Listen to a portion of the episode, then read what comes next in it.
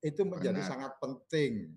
Bicara Benar. orang miskin kemarin kita ngobrol sama Mas Jando, bicara tentang apa uh, orang miskin itu juga apa positioningnya uh, data dari supradesa ke desa berbenturan dan seterusnya korbannya teman-teman apa uh, kepala desa perangkat desa yang kemudian harus berbenturan dengan masyarakat yang menyangka atau yang menuduh bahwa hmm. apa data-data itu adalah apa partisipasi apa peran dari perangkat desa padahal tidak ada dari situ. Nah, ada juga kesadaran kemudian kita harus mulai apa uh, riset atau merestart cara gaya hidup kita yang tadinya mesti ngumpul ngeriung sekarang pakai apa Zoom tidak harus apa memenuhi jalan untuk kita pergi-pergi dan seterusnya.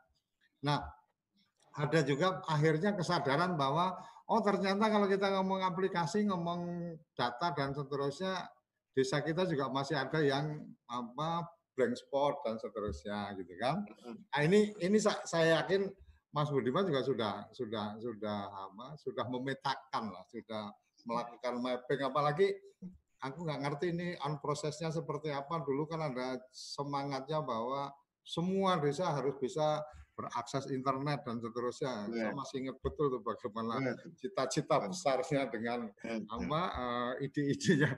Apa kabar sebenarnya? Apa pemetaan hari ini, Mas Mas Budiman ketika menggagas inovator 4.0 pasti juga sudah ada mapping lah. Oh, real pasukan kita itu sebenarnya kayak gini, real kondisi kita itu kayak gini. Kalau musuh sama ini mungkin ya kita selesai di tengah jalan. Saya kira apa yang disampaikan Mas uh, Koco tadi bukan pertanyaan tapi pernyataan dan itu saya iakan semua. Apa hmm. yang menjadi asumsi sampean itu adalah persis yang menjadi asumsi kami. Hmm. Persis. Persis. Soal data yang acak-acakan, kita bedah satu-satu ya. Ya. Saya menulis di Kompas beberapa hari yang lalu. Eh, beberapa minggu lalu, sorry, di bulan April, dimuat. Judulnya Berdana, Berdata, Berdaya. Hmm. Usulan saya adalah di era krisis hari ini, hmm. ketika banyak orang kehilangan pekerjaan, ya Thomas, ketika industri pariwisata ambruk, industri manufaktur ambruk, maka yang dibutuhkan orang adalah uang cash, uang tunai. Oke. Okay. Okay? Sebelum krisis pandemi, ekonomi bisa berjalan tanpa harus setiap orang pegang uang tunai. Tapi di era pandemi, ekonomi tidak akan bisa berjalan kalau tidak setiap orang pegang uang tunai. Hmm. Karena itu, dalam artikel saya di Kompas tanggal 7 April, jika tidak keliru, saya bilang, masyarakat harus berdana. Hmm seorang-orangnya seenggak-enggaknya yang berusia 15 tahun ke atas sampai yang tua. Kalau 15 tahun ke bawah nggak usah lah. Jadi kalau satu rumah ada Mas Koco punya istri, berarti dapat. Ada kemudian anak yang masih biasa 12, 15 tahun misalnya ada dua orang ya dapat. Kalau ada adiknya yang di bawah 15 tahun nggak dapat misalnya. Hmm. Harus. Dan nggak perlu pakai data selama dia warga negara Indonesia 15 tahun ke atas. Misalnya kayak gitu, misalnya 15 tahun ke atas. Hmm. Gak usah bicara miskin, gak usah bicara kelas menengah, gak usah bicara, bicara kaya. Sekarang semua sedang terancam. Hmm. Saya kemarin diceritakan seorang teman saya, eh, Rio Hasan, neuroscience, ahli neuroscientist. Orang inovator juga. Dia cerita, stres ada orang pasiennya dan mengalami gangguan saraf mau dioperasi. Tahu nggak mas? Dia pengusaha kaya minta ngutang Hmm. Aku operasi. Ya udah, diturunkan harga operasinya 12 juta rupiah. Dia pun masih nggak bisa bayar, Mas. Padahal dia pengusaha yang sukses. Gara-gara pandemi corona ini. Artinya secara cash dia nggak pegang. Nggak pegang. Dua, harus bayar 12 juta untuk operasi otaknya. Dia pun nggak apa-apa, udah di diskon habis-habisan. Dan itu bukan satu dua orang, Mas. Kelas menengah atas, Mas. Artinya apa? Setiap orang hari bagi butuh cash. Negara harus menyediakan. Uangnya dari mana? Realokasi. Ada beberapa sisa anggaran silpa tahun 2018, sisa anggaran lebih tahun 2020 itu ada. Digabung dengan semacam zakat merah putih. Orang-orang yang tabungan rekeningnya 10 miliar ke atas, suruh nyumbang. 10 miliar ke atas, suruh nyumbang 100 juta. Hmm. Orang yang tabungnya 1 miliar sampai 10 miliar, suruh nyumbang 10 juta. Orang yang tabungannya 100 eh, juta sampai 1 miliar, suruh nyumbang 1 juta. Nah kira-kira gitu. Dikumpulkan itu cukup minimal untuk 4 bulan. Ngasih jatah 1 juta orang per bulan selama 4 bulan untuk yang 15 tahun ke atas terutama yang menengah ke bawah. Tapi kalau yang kaya-kaya kasih aja dua puluh ribu rupiah. Ya, itu mas.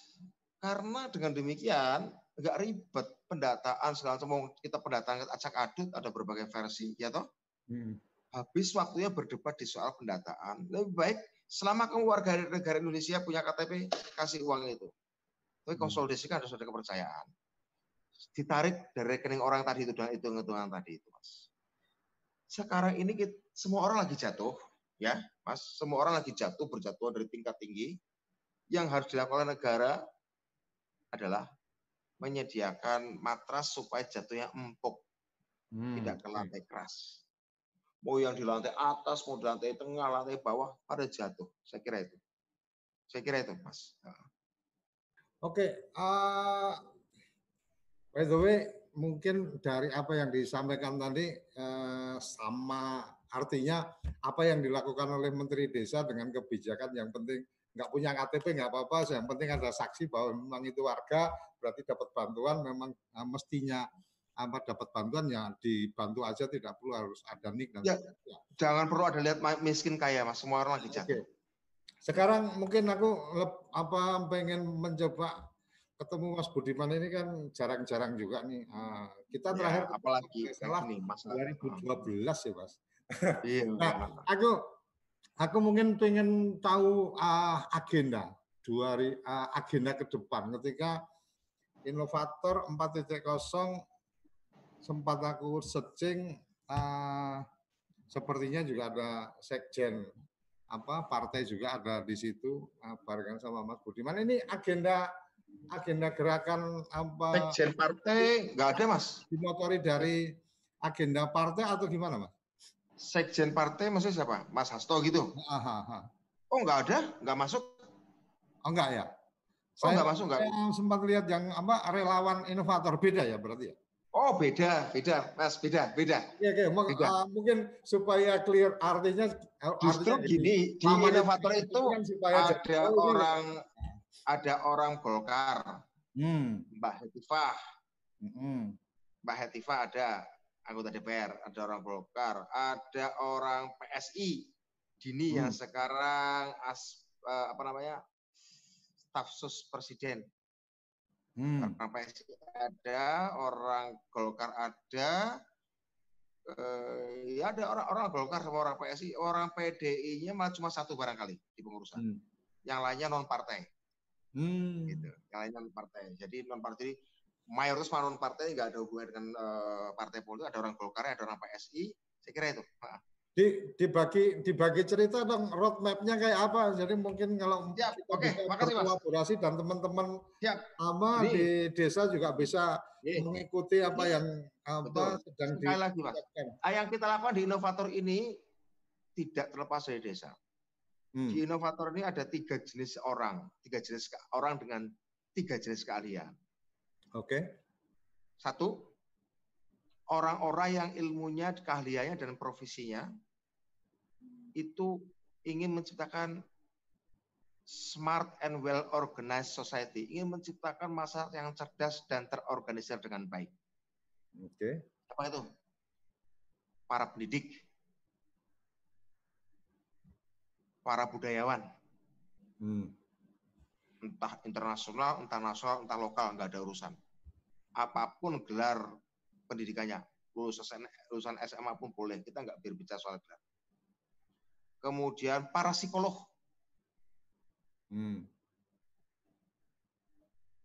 Anggota DPR, karena dia membuat undang-undang kan, atau anggota DPRD, atau bupati, ada ini hmm. saya golongkan sebagai orang-orang yang ingin menciptakan masyarakat yang cerdas dan terorganisir dan baik. lewat ilmu ekonominya, lewat pendidikannya, lewat psikologinya, lewat kebijakan yang dia buat atau undang-undang yang dibuat. Di satu kelompok. Mau di level nasional, mau level provinsi, mau level kabupaten, kota sampai desa. Kepala desa juga ada di inovator. Kepala desa masuk sini juga ada. Oke? Itu adalah orang yang ingin membuat masalah yang cerdas dan terorganisasi dengan baik.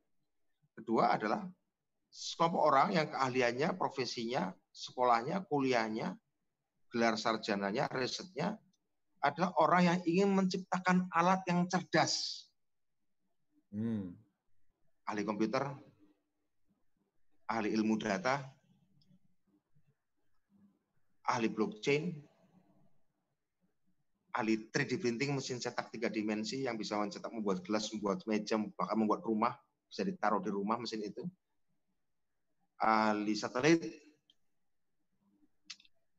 ahli kuantum komputer kuantum, ahli handphone. Jadi wong-wong orang-orang yang keahliannya bikin alat.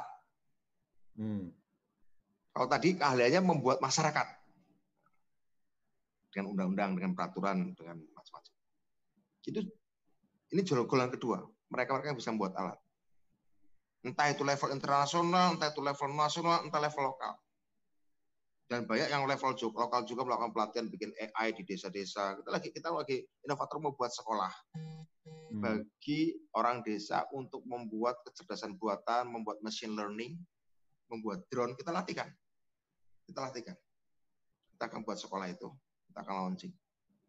Uangnya nanti bayarannya sederhana aja, tapi nanti dipakai untuk beli beras, beli lauk pauk untuk orang kota yang kehilangan pekerjaan. Jadi hmm. uang bayaran sekolahnya dipakai untuk membantu beli lauk pauk untuk orang-orang kota yang kehilangan pekerjaan. Kita buat gerakan namanya peduli pangan juga soalnya. Nah, ketiga, kalau tadi kedua ya, ketiga adalah orang-orang kita kumpulkan ahli-ahli profesi, preset-preset, orang-orang kuliahan, sarjana, dokter, kuliah di luar negeri, kuliah di dalam negeri, sekolah di kampung, yang keahliannya adalah ingin membuat tubuh manusia itu cerdas. Ahli ilmu saraf, ahli rekayasa genetik, ahli virus, ahli vaksin. Ini ada teman kita inovator di Oxford. Nanti jam 3 sore kita dialog di Zoom. Dia ikut terlibat dalam riset vaksin anti COVID ini. Yang sudah diuji coba di dua jenis kera. Nah, dia membuat vaksinnya itu dari vaksin yang ada, dari virus yang ada di tubuh simpanse yang sudah dijinakan. Vaksinnya itu. Nah, jam 3 kita dialog. Jam 3 sore ini. Nah, ini teman-teman yang kita kumpulkan. Untuk apa ya? Untuk Indonesia. Untuk apa? Untuk menyiapkan Indonesia menghadapi era revolusi 4.0, menghadapi digitalisasi. Yang kita perkirakan akan terjadi 5-10 tahun atau 15 tahun lagi. Katanya dengan adanya COVID ya harus bergerak cepat kita buat, kita dirikan inovator 2018, harapannya 10 tahun lagi kira-kira 2028, 2030, 2029, kita akan menghadapi itu semua. Bukan cuma Indonesia, dunia. Hmm. Indonesia, dan ketika ada Indonesia berarti ada 74.954 desa. Dan itu tidak boleh ketinggalan. Dan kalaupun terlibat, jangan menjadi objek yang 74.954 desa itu. Jangan jadi objek. Kita ingin buat ini supaya nanti desa bisa menjadi subjek pelaku teknologi, pelaku ilmu pengetahuan, pelaku inovasi. Sehingga kalaupun kita menyongsong itu, ibaratnya revolusi 4.0 itu adalah sebuah eh, gelombang pasang laut yang menyerbu masuk kampung Indonesia, orang desanya sudah punya perahu motor sendiri yang bisa mereka kendalikan. Bukan ikut bukan keseret gelombang dan kemudian ikut numpang rakit, ikut menyelamatkan diri dengan numpang potongan-potongan pohon. Bukan. Kita perkirakan gelombang pasang itu 10 tahun, 15 tahun lagi, Mas. Hmm. Dari arah robot. Nggak taunya tsunami yang lebih besar datang hari ini dari arah lain, virus. Untung beberapa teman sudah membuat perahu, tapi jumlahnya masih belum cukup. Jumlahnya masih belum cukup. Untung beberapa teman desa sudah belajar berenang, tapi masih banyak yang belum belajar berenang. Nah makanya kita harus cepat-cepat ngajari renang, harus cepat ngajari bikin perahu, bikin bikin teknologi dalam hal ini. Ya tadi itu dari tiga jenis orang kita kumpulkan mereka yang ingin membuat masyarakat yang cerdas dan terorganisir dengan baik, mereka yang ingin membuat alat-alat teknologi dengan baik, dengan cerdas, dan mereka yang ingin membuat tubuh manusia Indonesia secara biologis, secara fisik juga sehat. Itu mas. Oke, berarti uh, yang saya tangkap bicara inovator, bicara tentang bagaimana kumpulan orang-orang yang apa, peduli, bagaimana kumpulan orang-orang yang punya inovasi, inovasi dari sisi bagaimana membangun kecerdasan, membangun ya. kesehatan, dan kemudian apa mengembangkan teknologi apa apa alat-alat uh, pendukung. Nah, uh, peta atau apa potret yang sudah Mas Budiman lihat hari ini desa-desa mm -hmm. sebenarnya seperti apa? Karena kan uh, uh, mungkin membangun manusianya menjadi lebih penting ya, membangun kecerdasan, membangun kesadaran dan seterusnya karena kesehatan, uh, kesehatan, kesehatan juga. Bicara duitnya ada, tapi kalau kemudian uh, kecerdasannya nggak ada gitu kan, akhirnya juga pemanfaatannya harapannya waktu itu kan Mas Budiman dan teman-teman uh, ada alokasi dana desa apa uh, dana desa dari pusat yang cukup besar itu kan harapannya kan kemudian memang kemudian itu jadi apa uh, kekuatan untuk membangun ekonomi desa kan gitu. Tapi ketemunya ketika kemudian duit masuk cuma dibuat apa lomba bikin gapura yang ratusan juta, membuat apa jalan jalan sawah dari beton dan seterusnya kan secara ekonomi apa secara dampak ekonominya agak kurang walaupun secara fisik tetap kelihatan kan apa eh, lebih terlihat kan gitu. Nah, eh, tahapan mungkin mas, tahapan ya. dalam tahun ini atau tahun depan itu yang uh, walaupun walaupun kita bisa ngomong itu semua bisa paralel, tetapi kemudian hmm. bicara prioritas mas, prioritasnya Siap. jadi ada di bagian mana ini yang yang, Siap. yang Mas Budiman, Mas Budiman uh, persiapkan ini?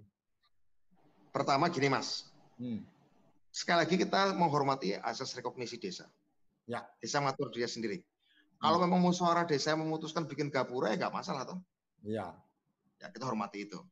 Tapi kita kan boleh ngomong toh sebagai ya. teman perjuangan pasti hmm. tidak menyesatkan gitu ya kira-kira ya. Bedakan dengan bikin jalan fisik, Mas. Kalau bikin jalan fisik itu bagi saya keharusan. Bikin jembatan bagi saya tapi, itu. Tapi kalau jalan beton di tengah sawah kan bermasalah juga, Mas. Oh iya iya iya. Lagi sempat oh, iya, tengah sawah ya. Kalau okay. tengah sawah kan kalau jembatan nggak apa-apa mas ya. Nggak perlu beton kan gitu. Ya, ya, ya, ya, ya. ya kalau jembatan nggak apa-apa lah ya jembatan. Ya ya ya kalau itu ya. Kampung nggak apa-apa. Oke jangan tengah sawah. Oke itu nggak ada masalah. Hmm. Nah saya sebagai seorang teman seperjuangannya orang desa dan saya orang desa juga, hmm kalau ditanya, pertama saya bukan kepala desa, tapi pertanyaan adalah seandainya Budiman Sujatmiko menjadi kepala desa gitu kira, ya, nah. lebih enak ya. Hmm. Seandainya Budiman Sujatmiko menjadi kepala desa, dalam rapat musyawarah desa saya akan ngomong apa? Hmm. Ini misalnya periode pertama saya enam tahun menghadapi COVID. Pertama, saya akan usulkan sebagian dana desa pakai uang cash untuk pegangan orang rakyat. Itu untuk tahun ini. Hmm tahun ini itu dulu mas. Misalnya desa saya dapat satu miliar, satu empat miliar dengan ADD dari kabupaten ya. Misalnya. Hmm. Saya akan dalam rapat musyawarah desa, saya beri Sumiko kepada desa desa X ya. Hmm. Saya ngusulkan, karena kita menghadapi pandemi, banyak orang kehilangan pekerjaan. Hmm. Untuk tahun ini kasih cash kepada 15 tahun ke atas untuk pegangan. Hmm. Itu aja dulu. Hmm. Jika ada sisa, katakan satu bulan lima ratus ribu katakanlah begitu ya. Jika ada sisa, ya, jika ada sisa, pakai itu untuk, tapi kan ada kartu prakerja segala macam kan gratis segala macam ya, gratis jadi nggak usah. Pakai itu untuk modal bumdes. Hmm. Kalau ada sisa untuk modal bumdes, misalnya belum ada bumdes, tapi kalau udah ada bumdes, ya investasi di BUMDes. Oke. BUMDes bidang apa?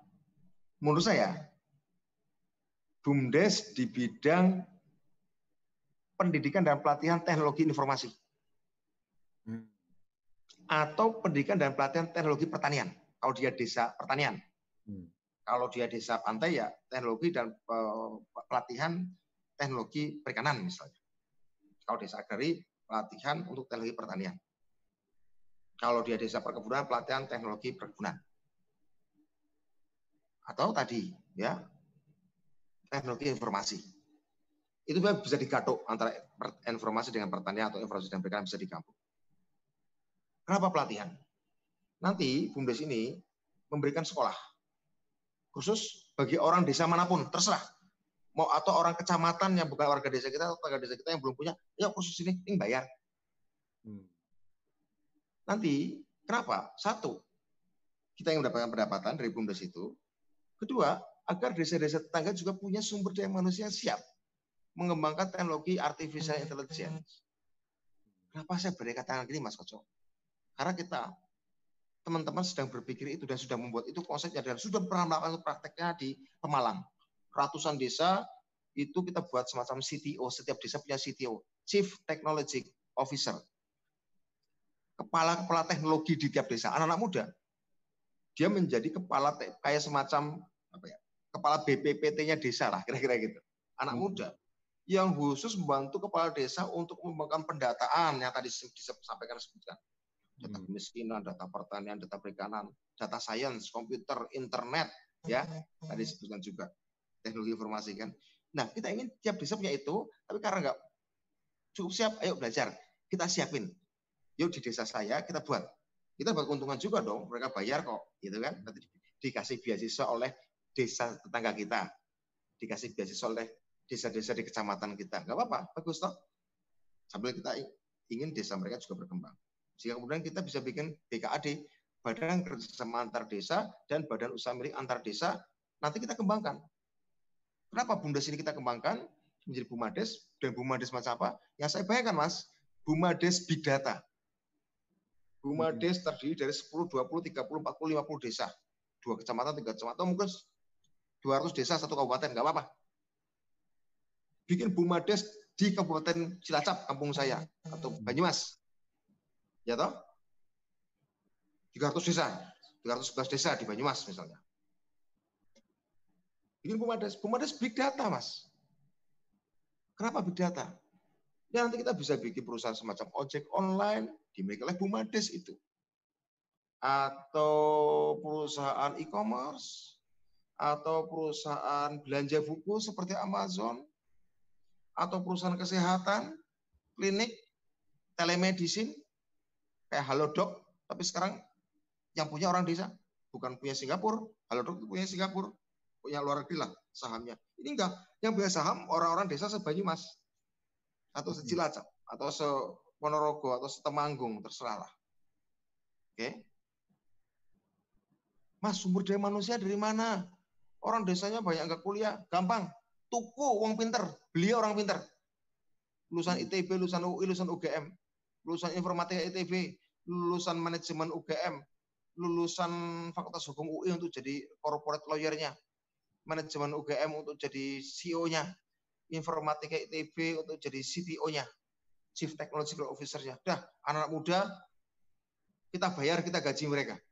Ketimbang kerja di Google, ketimbang kerja di Gojek, ketimbang kerja di Tokopedia, sudah kamu ke orang Banyumas kan, orang Cilacap kan boleh pulang.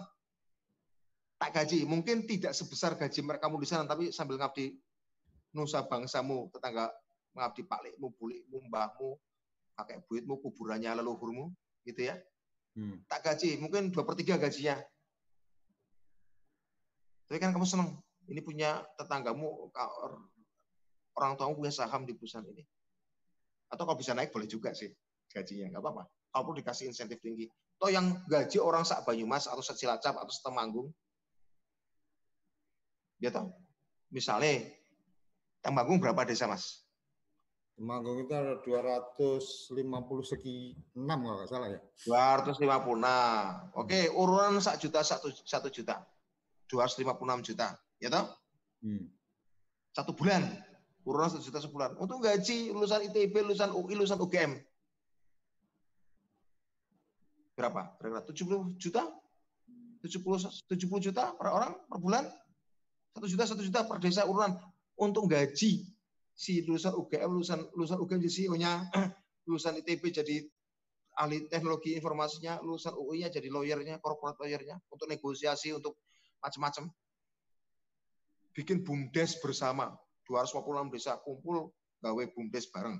Bumades baru usaha Arta Desa bergerak bidang teknologi, big data, teknologi apa, mau bikin ojek online, mau bikin e-commerce, marketplace, mau bikin online learning, mau bikin online kesehatan, dokternya lulusan UI, lulusan lulusan unsur misalnya gitu, UGM, gitu. ya. ya gitu loh. Dengan dengan apa uh, kondisi uh, sejak bicara bisnis, apa ya. bicara bisnis, kita melihat bahwa uh, opsinya kan ada dua tuh kalau kita bicara bisnis. Apakah kita memang membangun yang dari nol, taruh kata seperti uh, siapa? Mas Mas Menteri Pendidikan gitu kan, membangun Gojek dari nol, kemudian di apa uh, diakuisisi oleh para pihak kemudian jadi gede gitu kan, atau kemudian kita menjadi yang mengakuisisi kan gitu, artinya oh ini Tani Hub punya potensi kan gitu, oh ini apa punya potensi yang itu terkait desa. Boleh itu mungkin lebih lebih mungkin lebih Bisa. cepat lebih lebih menarik dan dan Bisa. mungkin dan mungkin inovator bisa bisa dalam memfasilitasi melakukan konsolidasi fasilitasi mengumpulkan saya sempat saya sempat membayangkan juga ketika kemudian ada apa satu perusahaan apa yang memang itu eh, menjadi satu kebutuhan bersama masyarakat ya kemudian hmm. bicara ada 74 ribu desa, gitu kan. Ketika 74 ribu desa ini kemudian share atau belanja saham, saham, nih masing-masing apa 100 jutaan lah, dikumpulin jadi ya. satu duit gede kan gitu. Nah Wah, ini gede. perlu perlu apa perlu orang yang memang ya. memang sudah teruji melakukan konsolidasi dan seterusnya. Uh, komentar Mas Budiman ketika mungkin aku mikirnya agak aneh atau agak liar kayak gitu gimana? Enggak Mas, apa yang sampai pikirkan itu juga sudah pernah kita diskusikan dan kenapa tidak? Hmm. Wong saya pernah ngomong ke desa, kalian berpikir enggak suatu saat desamu hmm. punya ada kafe hmm. di Plaza Senayan, tapi yang punya adalah desamu. Kenapa tidak? Ada kafe elit Hmm. Tapi pemilik saham mayoritasnya adalah BUMDesmo. Kan bisa kan Mas? Apa yang sampaikan tadi juga bisa. Bisa Tani Hub dituku oleh desa 74 ribu desa. Ya kenapa enggak? Bahkan saya lagi udah sempat ngomong dengan beberapa kepala desa, nggak usah semua 74 ribu desa. Hmm. Kita kumpulkan saja seribu desa yang kepala desa yang paling visioner. Ya, betul. Ya, yang cara berpikirnya kayak Mas Koco semua. Hmm atau kayak kepala desa Ponggok semua, seribu masa nggak ada dari tujuh ribu yang cara berpikirnya kayak Mas Koco atau kayak kepala desa Ponggok misalnya dari tujuh ribu seribu, ya nggak usah sama persis tapi ya kurang lebih lah ya, visioner lah ya. Seribu aja kita kumpulkan se Indonesia. Terus tadi urunan dari kira-kira gitu ya. Hmm. Kita sudah ngitung mas, 20 ribu desa bisa punya satelit sendiri. Ya. 20 ribu desa bisa punya satelit sendiri. Urunan 200 juta. 20 hmm. ribu desa punya satelit sendiri. Nanti saat itu bisa disewakan ke bank, bisa disewakan ke mana. Nggak usah 74 ribu desa, Mas. 20 ribu, we. Nanti satelit itu bisa disewakan ke bank, bisa disewakan macam-macam, ke perguruan tinggi, dapat pendapatan si desa itu, macam-macam banyak. Ya, tapi Tani Hub segala macam ya bisa. Kenapa tidak? Kenapa saya ngumpulkan inovator itu kan orang-orang kerja sebagai, masih ada di Amerika, ada kerja di Tesla, ada ahli baterai. Baru hmm. pulang ke Indonesia malah karena ingin mengembangkan industri baterai yang mandiri. Ada kerja di Microsoft, kepala Microsoft Asia yang mengkoordinasikan insinyur-insinyur Microsoft Asia, anggota inovator juga ada kepala inovasi Dubai Hmm. Kepala kantor inovasi Dubai itu orang Indonesia, anggota inovator juga. Kita bisa belajar bagaimana Dubai yang dari gurun pasir sekarang bisa luar biasa. Kenapa tidak? Kita punya desa-desa. Kita nggak gurun pasir, kita ada kelapa, kita ada ikan, kita ada cemara, kita ada macam-macam lebih subur. Yang gurun pasir aja bisa. Memang ada minyaknya sih. Loh, kalau soal minyak, Bojonegoro ada minyaknya, ada pohon jatinya, di Arab cuma ada minyak, nggak ada pohon jati, cuma pohon korma. Di Bojonegoro ada minyak, ada pohon jati. Di Cepu ada ada minyak, ada pohon jati. Kepala inova, kantor inovasi Dubai itu anggota inovator. Ya, kepala senior Microsoft Asia anggota inovator. Orang Indonesia loh. Orang Pekalongan. Ya toh. Artinya di di Silicon Valley banyak, di perusahaan macam-macam banyak. Ini kan sebagian orang, ini orang Indonesia semua dan sebagian orang desa. Dan hmm. mereka mau berkumpul di inovator kan punya visi, punya idealisme. Ya kan eman kalau dimanfaatkan. Hmm. Kebetulan ketuanya saya Budiman Jatmiko yang juga ketua Dewan Pembina Papdesi, pengurus apa, pengurus aparatur pemerintah perhimpunan aparatur pemerintah desa seluruh Indonesia. Hmm. Dan saya orang desa dan saya juga temannya orang desa dan saya punya teman orang ini kalau nggak dimanfaatkan kan percuma. Hmm. Bukan saya yang rugi. Kalau saya mau jadi kaya, Mas Koico, orang-orang itu yang ratusan itu bisa membuat saya jadi kaya raya tapi kan bukan itu cita-cita saya. Wong saya sampai sekarang juga masih ngontrak kok rumah. Anggota DPR dua kali saya masih ngontrak karena bagi saya punya rumah sendiri itu bukan agenda mendesak bagi bangsa. Budiman punya rumah pribadi itu bu nggak ada menentukan harga diri bangsa. Ya. Bagi saya ini adalah penting untuk menjelaskan. Ayo, duit wis ono, Hmm. Kuasa wis ono, uang sudah ada, kuasa sudah ada, wewenang sudah ada, wilayah sudah ada, aset berupa barang, tanah, pohon kelapa, pohon singkong sudah ada. Yang belum ada kan ilmu pengetahuan dan teknologi. Wis tak kumpul ke. Hmm. Nomor HP ku, aku sekalian sudah punya nomor HP ku, asalnya gitu kasarannya ya. ya. Terus orang desa masih ada miskin lima tahun lagi, entah saya yang bodoh atau kepala desanya yang rumudeng. Rumudeng. atau saya yang goblok. Tapi gini Mas, ini ini uh, apa menarik menurut saya adalah mungkin kalau pelajaran yang dulu saya sempat terima di amal dari salah satu pengajar saya mengatakan bahwa beda karakter antara hmm, teman-teman yang di desa sama teman-teman yang di kota. Artinya hmm. ada ada karakter uh, melihat dulu baru percaya. Betul. Jadi uh, saya percaya kalau apa uh, ada wortel yang ukurannya besar itu kalau saya melihat kan gitu. Tapi ada juga orang yang percaya dulu baru bisa melihat. Artinya dia percaya bahwa wortel itu harusnya bisa besar gitu kan. Dia mempercaya itu akhirnya kemudian dia berpikir berinovasi dan seterusnya sampai kemudian membuat wortel itu memang bisa jadi besar dan Nah, mungkin Mas, mungkin kan ya. Saya sih lebih melihatnya ada ada ada sisi itu yang kemudian kalau kita lihat zaman dulu kita di kampung kan nggak ada namanya bibit apa unggul yang dengan serta merta petani mau tanam kalau nggak ada demplot kan gitu. Kalau nggak ajak lihat ini loh, hmm. ini dengan bibit yang ini hasilnya kayak gini, sekian apa uh, lebih cepat bisa dipanen dan sebagainya. Kalau dia nggak ditunjukin, dia nggak berani mencoba kan gitu. Nah, Betul. Inovator pasti orang-orang yang berani mencoba, bukan orang-orang hmm. yang apa uh, kalau sudah lihat hasilnya baru percaya. motor kan pasti orang-orang yang punya keberanian untuk mencoba. Nah, ketika mempertemukan yang ini, muka saya ah, saya kebayang.